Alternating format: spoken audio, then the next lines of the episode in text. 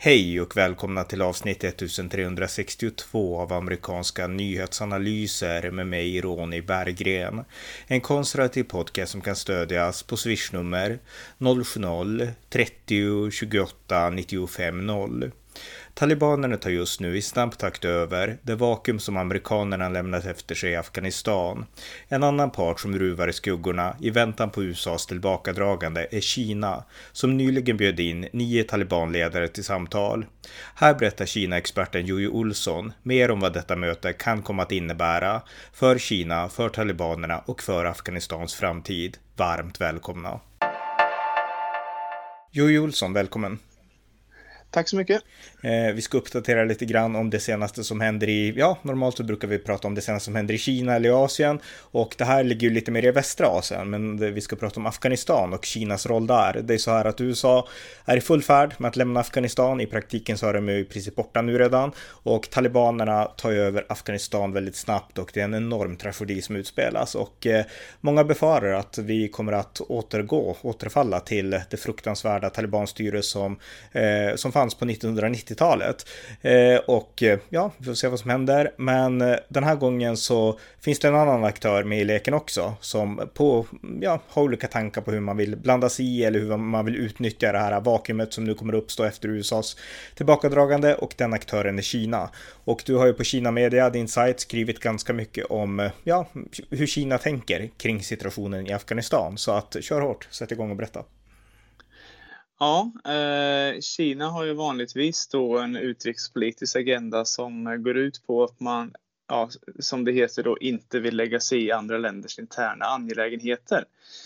Eh, men det här som utspelar sig i Afghanistan nu har ju eh, varit väldigt eh, oroande i Kina av många anledningar och eh, den främsta anledningen till det är ju då att Afghanistan delar gräns med Xinjiang. Och Xinjiang är ju då den regionen i västra Kina eh, som befolkas av eh, till hälften eh, etniska minoriteter och eh, muslimska etniska minoriteter då det har varit väldigt, väldigt oroligt. Eh, framförallt de senaste åren när kinesiska myndigheter i stort sett då sedan 2016 har eh, ja, men stängt ner eh, den här regionen, isolerat den och Eh, inrättat eh, politiska fångläger där för etniska minoriteter dit man har tagit eh, miljontals miljontals av de här etniska minoriteterna då, utan någon som helst eh, juridisk föregående process utan det är regelrätta fångläger som man har upprättat i västra Kina helt enkelt. Och, eh, anledningen till de här eh, motsättningarna som vi har i Xinjiang då, det är ju att det har funnits organisationer bland framförallt uigurerna som är den största etniska minoritetsgruppen i eh, Xinjiang eh, så har det funnits organisationer som eftersträvar ett eh, självständigt Xinjiang, att den här regionen då ska bryta sig loss från, från Kina. Och då har ju Kina verkligen då, ja, kinesiska myndigheter tagit i med hårdhandskarna på så vis att man har gett sig på alla regionens muslimer så att säga. Eh, men faktum är att det har funnits eh, ett par sådana här organisationer och grupperingar och de har då tidigare använt Afghanistan som en slags eh, frizon helt enkelt där man har kunnat då Dels har de här uigurerna kunnat få träning, militär träning och utbildning av talibanerna när de styrde Afghanistan. Och eh, dels har de då kunnat verkat eh, och, och, mobiliserat sig och, och, byggt upp läger då i, i Afghanistan varifrån de har kunnat eh, ja, men utöva vad Kina då kallade separatistisk aktivitet eh, in i Xinjiang. Och, eh, då är ju givetvis Kina oroade att om eh, Afghanistan faller tillbaka till ett talibanstyre som då innebär en eh, ja, ett visst mått av laglöshet då för att uttrycka det milt. Att landet då igen ska bli en slags frizon för de här militanta, ja, uigurerna som har militanta syften och som lyckas fly, fly Xinjiang. Mm. Och på grund av det så har ju då kinesiska myndigheter alltid haft en väldigt tvådelad inställning till USAs närvaro i Afghanistan som då ställs på sin spets nu under sommaren när det blir klart då att USA ska dra sig tillbaka och Joe Biden har gett en tidsplan till det. Och då har man ju dels då givetvis så vill man ju inte ha amerikanska trupper i regionen. Man vill inte ha amerikanska trupper i, i Asien överhuvudtaget helst och framförallt inte i, i de länderna som man har gräns till.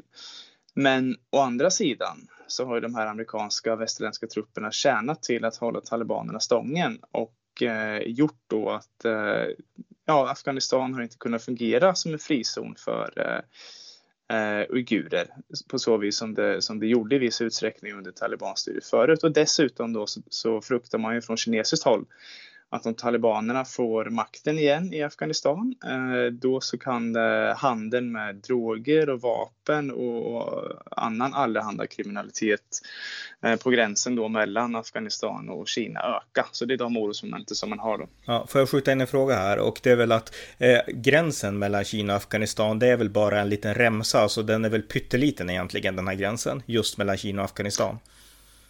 Ja, det stämmer bra. Det är omkring 9 mil ungefär, 90 kilometer lite knappt. Då. Och eh, det är stora bergsområden där också, så det är en väldigt eh, ogenomtränglig terräng då om man säger. Men, eh, jag tänker att det så, en sån gräns ju... borde man kunna skydda, tänker jag.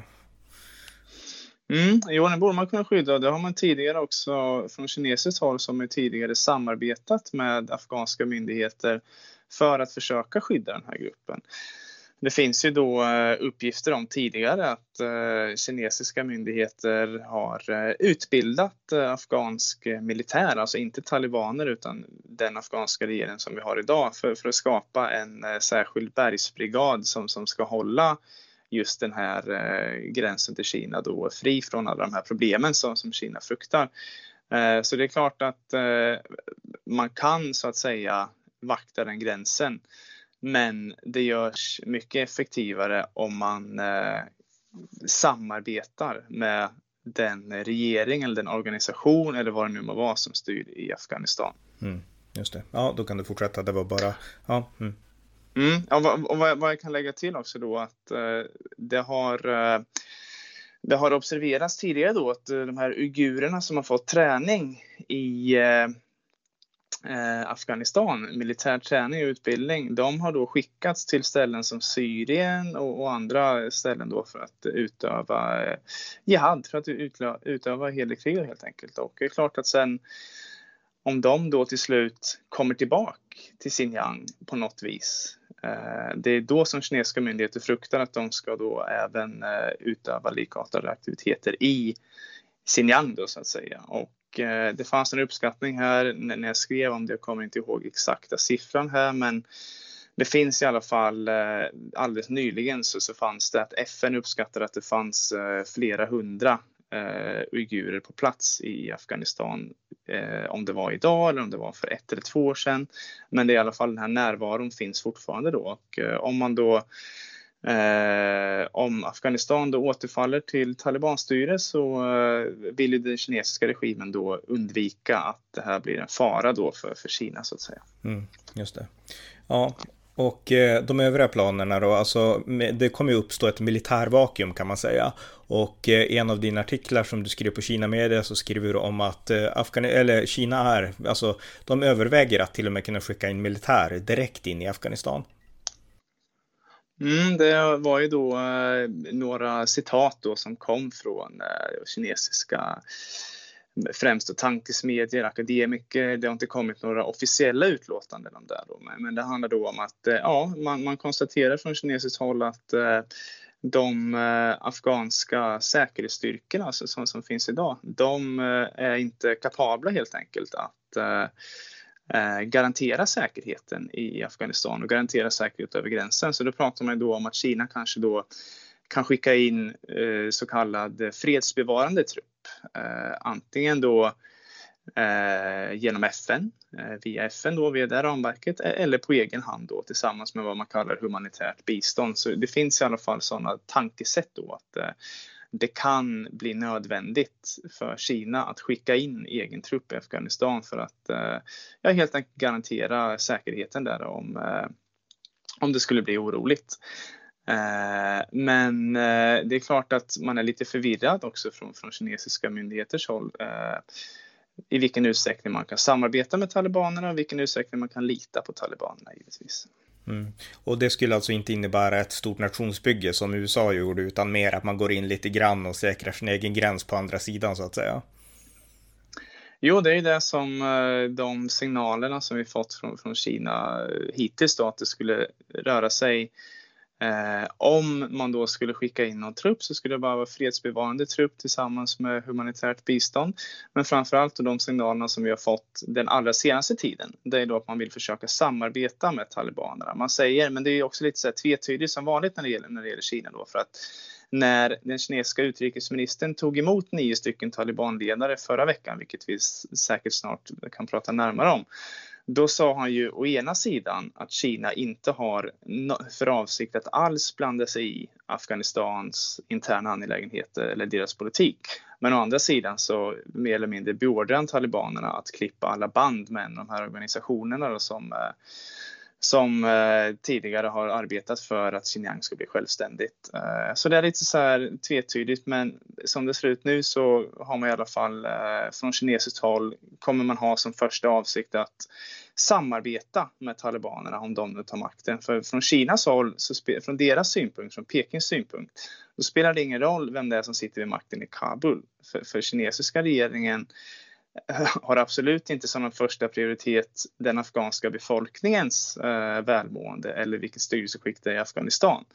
För, för Peking, för Kinas eh, regering, det enda som gäller då Eh, det är att man kan säkra eh, gränsen och att den här oroligheterna som är i Afghanistan inte ska spela över till Kina. Och sen har vi också en annan punkt då som, som är viktig för Kina och det är ju kinesiska investeringar i Afghanistan, så den ekonomiska aspekten. Men just det här med att man ska göra ett nationsbygge, det finns inte riktigt på, på den kinesiska agendan alls. Men då får, innan vi går in på det här mötet då med talibanerna, så en fråga om det. Det var ju ändå så här att Kina är ju dels en kommunistisk nation då och inom kommunismen så finns det mycket som inte är bra.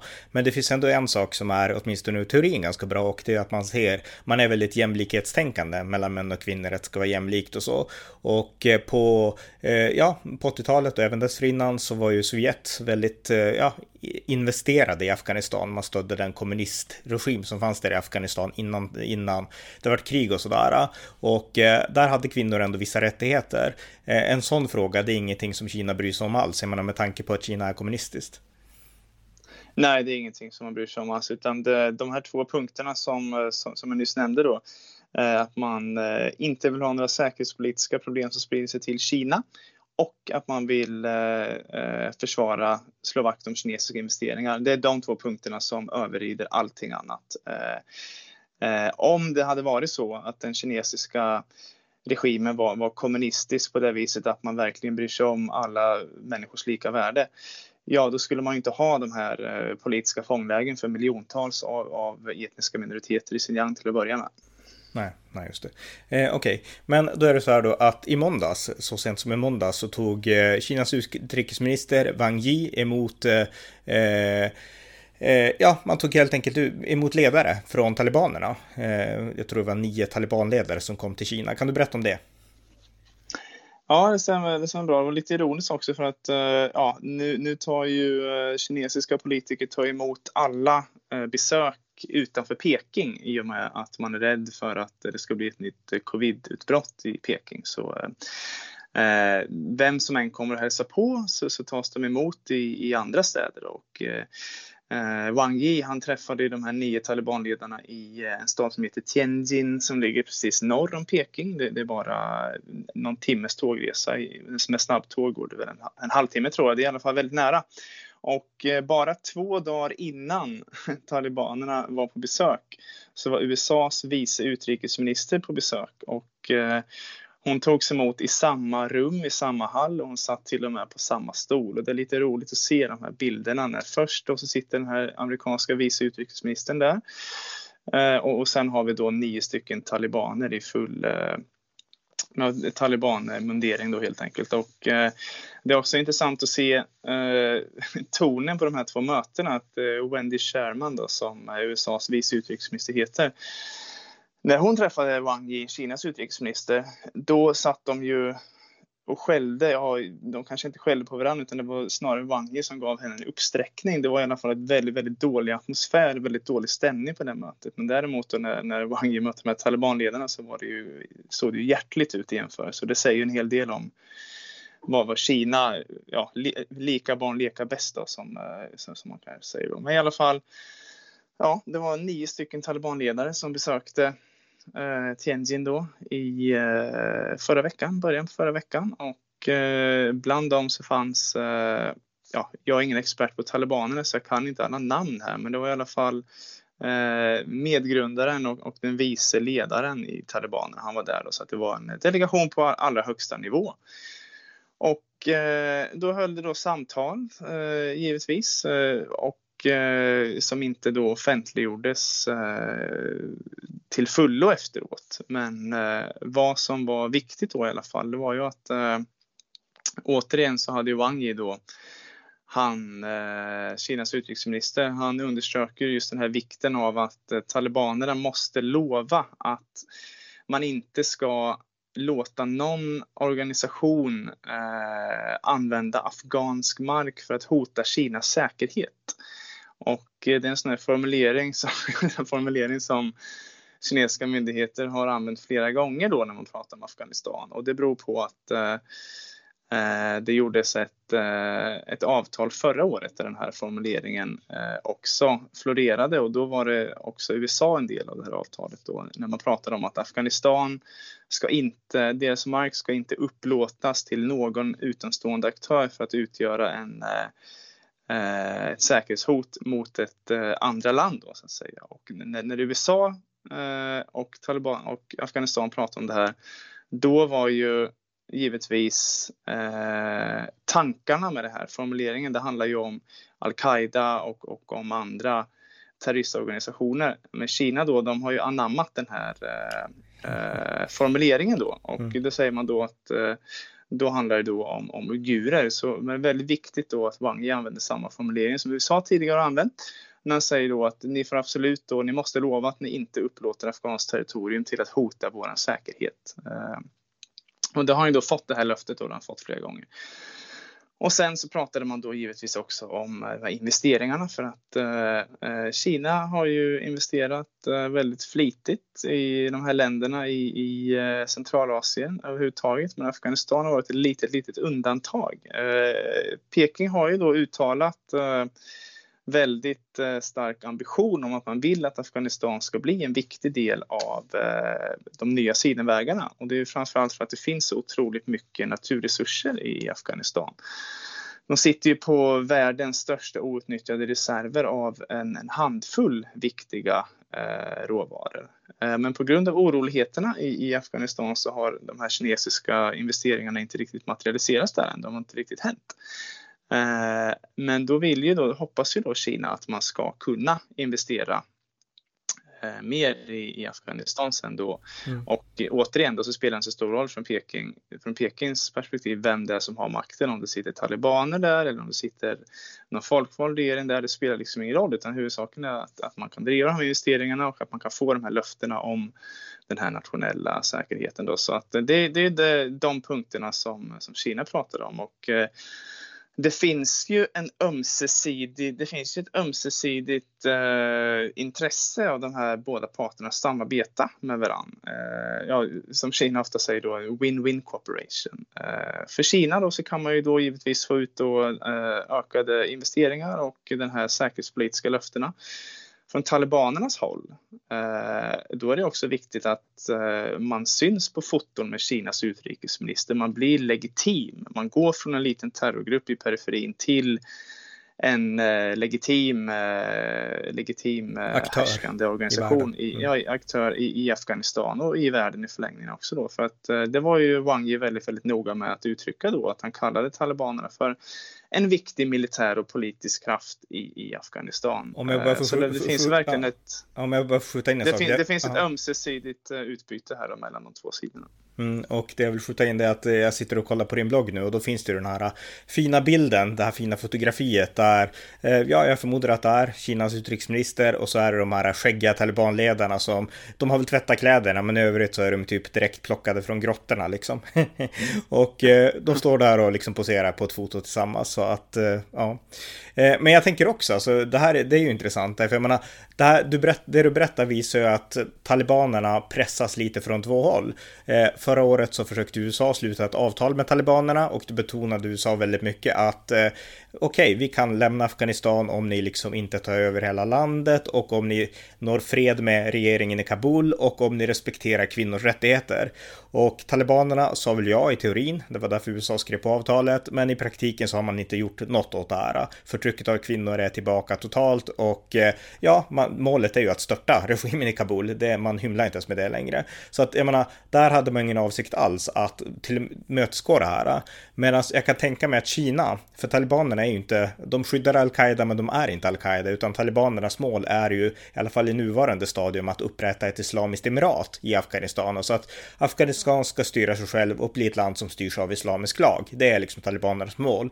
Och det känns mycket mer lättförenligt med liksom en stark nation som Kina eh, som partner än med en nation som USA. För USA pressar alltid på det här som sticker i stäv med deras värderingar, alltså mänskliga rättigheter, kvinnor och sånt. Medan Kina, de bryr sig inte så länge Kina är säkert och så länge Kina kan, ja, kanske investera ekonomiskt. Ja, men det är precis så. Det är samma, det, det är precis av samma anledning som vi har sett de här stora kinesiska investeringarna i Afrika eh, i Centralasien längs med de här nya sidenvägarna. Och det är ju då helt enkelt för att, eh, som du säger då, eh, auktoritära regimer, eh, dikta, eh, diktatorer, de har ju kunnat få investeringar, lån, infrastrukturprojekt från, från Kina som de inte kan få från annat håll, från Världsbanken eller från väst. Just med anledning av att Kina ställer inga demokratiska krav, de stänger, ställer inga krav på transparens eller öppenhet eller att det ska eh, införas någon jämlikhet eller, eller ens några miljökrav, utan, utan det är samma mönster som vi ser går igen här. att eh, Kina skulle inte ha något problem att Eh, ja, att vända eh, dövörat till och inte se vad som sker i Afghanistan när det kommer till inhemsk repression mot den afghanska befolkningen. Så länge Kina kan få ut vad man vill av, av det här samarbetet. Utan eh, det är den, den doktrinen som man har inte uttalad doktrin givetvis, men den strategin som man använder när man samarbetar och investerar i och lånar ut pengar till, eh, till andra länder som har sån här eh, auktoritärt styre. Att eh, så länge Kinas intressen uppfylls så spelar det inte så stor roll vad som händer inrikespolitiskt i andra länder. Nej, och en sak till jag kan skjuta in då, det är att det, samma sak hände ju, det här är rätt intressant parallell, jag menar, samma sak hände i Saudiarabien när USA började investera i olja där för, ja det är väl hundra år sedan nu nästan. Och eh, då var Saudiarabien fortfarande styrda av wahhabiterna i mångt och mycket, den här sektmiljön som har samma teologi och ideologi som talibanerna har. Och de var urfattiga, de var inte alls en del av den här moderniteten som svepte över Turkiet och andra länder. Eh, men de var urfattiga, men USA ville ha olja olja som man investerade och eh, ja, med tiden så vart Saudiarabien ett lika galet land som tidigare, men mycket rikare. Och jag menar, Afghanistan är urfattigt, så att vem vet, kanske om 30 år om Kina investerar, då har de här talibankillarna åtminstone tvättat skägget och liksom skaffat lite finare kläder och lite finare bilar och sådana saker. Vem vet? Alltså det skulle kunna bli ett nytt Saudiarabien av det här. Jo, det, det, är klart att, eh, att det finns den, eh, den möjligheten eller risken så att säga, vilken synvinkel man nu vill se äh, saken från. Men vad, vad, som är viktigt också är att tidigare i, i juli innan Wang Yi tog emot de här talibanledarna så hade vi också, ja, det var ett par talibanska talesmän och representanter som offentligt då i, i intervjuer.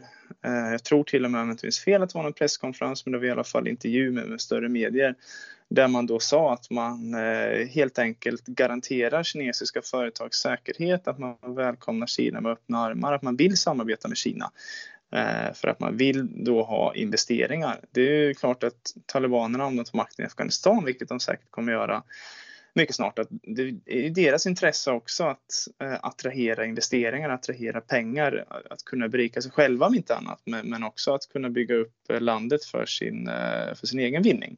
Och då givetvis Kina, grannland, världens näst största ekonomi. Det är ju dit man, man vänder sig då. Och vi kommer, vi kommer få se med, med största säkerhet då om talibanerna tar uh, makten i Afghanistan så kommer vi få se en väldigt stor uh, ökning av, av kinesiska investeringar där, absolut. Mm. Eh, två saker till också. En sak som jag tänker på det är att talibanerna har ju nu tydligt brutit det avtal som man hade med USA och den afghanska regeringen. Det, man, man följer inte det alls. Eh, om man skulle ge ett falskt löfte till Kina, man, man lovar stora saker nu för att få med på fotografier och få investeringar och sen bryter det. Eh, det. Det som hänt nu är att väst gör ingenting. Alltså vi känner att nu orkar vi inget mer. Men om man skulle lova någonting till Kina och sen bryta det löftet, hur skulle Kina reagera och agera då? Jo, det beror på vad, vad, man lovar helt enkelt. Eh, om, om vi kollar då på om vi skulle ta potentiellt att det var kinesiska företag som skulle då investera i Afghanistan och eh, de eh, hamnade i eh, problem att eh, ja, de skulle bli eh, överfallna eller vad det nu må vara.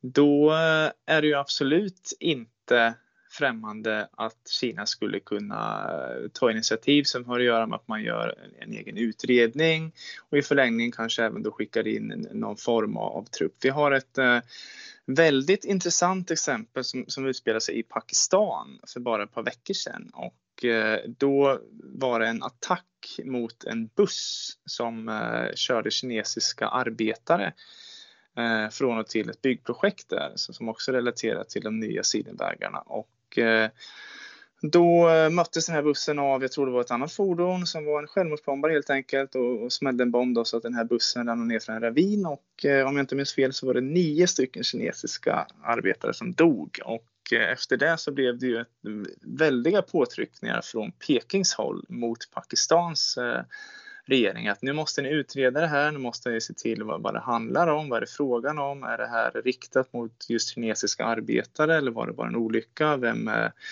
vem är skyldig? Och så vidare. Och det är klart att om det händer samma slags incidenter i Afghanistan då kommer man ju applicera samma, samma strategi där, eller samma eh, att man kommer samma påtryckningar då mot afghanska myndigheter. Och om det är talibanerna som sitter vid makten då och inte samarbetsvilliga det är inte så att Kina kommer vända andra kinden till direkt, utan eh, det är just det som är det delikata med det här samarbetet mellan talibanerna och Kinas kommunistparti.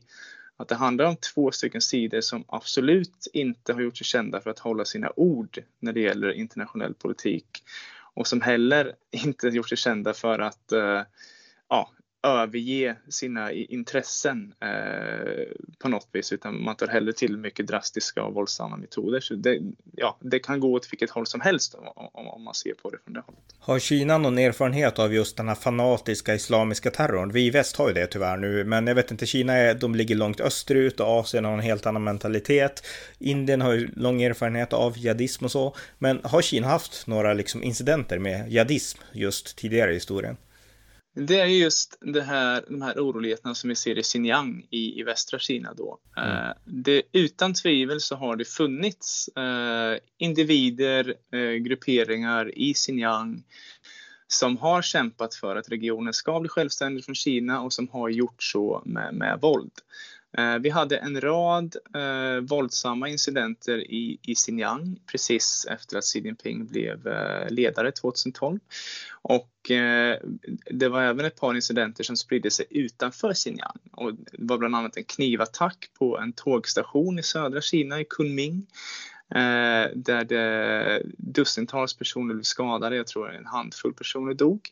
Det var i, i hjärtat av Peking på Himmelska fridens torg så var det en bil som eh, körde rakt in i eh, en folkmassa vid Mao-porträttet där och det var också uigurer då som, eh, som låg bakom det som var ja, hopplöst förtryckta av vad som hände i sin hemprovins då, så att säga. Så att det har varit sådana här dåd eh, även utanför Xinjiang men det är klart att inne i Xinjiang så har det varit ännu fler dåd som, som vi inte känner till eftersom kinesiska myndigheter vill inte rapportera det här. Det kommer inte ut i vilken utsträckning de här motsättningarna pågår. Eh, med det sagt så är ju eh, en eh, väldigt, väldigt stor del av de här incidenterna i Kina beror ju på en våldsspiral som är framkallad av de kinesiska myndigheternas oerhörda förtryck i, i Xinjiang helt enkelt. Så man kan ju säga då att den erfarenhet som Kina har haft av religiös extremism och islamism då, som vi pratar om nu, Eh, den eh, erfarenheten är att man, man då alltid har tagit i med hårdhandskarna, vilket är kontraproduktivt, vilket har visat sig vara väldigt kontraproduktivt i, i Xinjiang för att det fanns en tid när man var mer, som man säger, eh, man tillät de etniska minoriteterna att uh, utöva sin egen kultur där, då, så att säga. Och, och då fanns det inga våldsamma motsättningar där.